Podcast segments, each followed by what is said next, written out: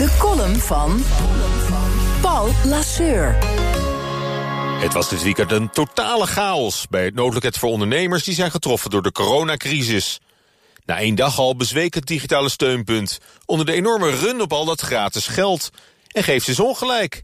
Voor bedrijven uit de horeca en evenementenbranche ligt een cheque klaar van 4000 euro. Intussen hebben ook winkeliers uit de kledingbranche en de sportartikelen zich gemeld voor zo'nzelfde gift. Zelfstandige ondernemers kunnen een nooduitkering krijgen van 1050 euro per maand via de gemeente. De voorwaarden van deze noodmaatregel zijn veel soepeler dan de bestaande bijstand voor ZZP'ers.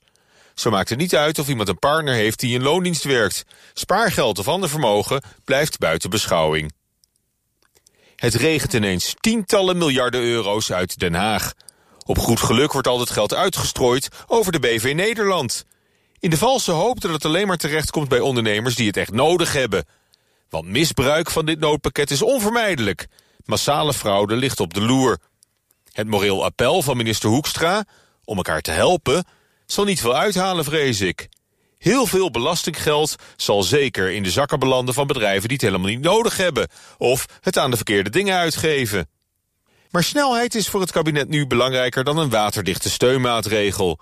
En wie misbruik maakt van de coronacompensatieregeling... krijgt straks de overheid achter zich aan, waarschuwt Hoekstra. Maar dat is een loos dreigement. Want niets is zo lastig voor een overheid... als het achteraf terugvorderen van eenmaal gedane uitkeringen. Dat hebben we toch wel geleerd van de toeslagenaffaire? Nee, zo'n massale, onbezonnen actie als dit is onomkeerbaar. Dat geld zien we nooit meer terug. De vorige keer dat de schatkist werd omgekeerd om de economie overeind te houden... was tijdens de kredietcrisis van 2008, toen de banken gered moesten worden. Maar dat was een top-down operatie. De systeembanken waren een kritische schakel in het financiële stelsel... en daarmee too big to fail. Dit keer is het precies omgekeerd. Bottom-up. Voor vele duizenden bedrijven en ondernemingen... hoogstens een druppel op de gloeiende plaat. Wat structureel helemaal niets gaat oplossen. Integendeel zelfs... Noodlijdende sectoren die al jaren een zieltogend bestaan leiden... zoals de huis- en huisbladen en veel kleine kledingwinkels... mogen dankzij de coronacrisis nog een keertje aan het overheidsinfuus.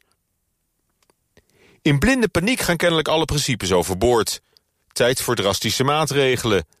Maar waarom dan niet meteen voor elke Nederlander een cheque van 1000 euro? En alvast voor na de crisis nog maar eens goed nadenken over een basisinkomen voor iedereen. Prettige maandag. Columnist Paul Lasseur. Terugluisteren? Ga naar bnr.nl of de BNR-app. En daar vindt u ook alle podcasts.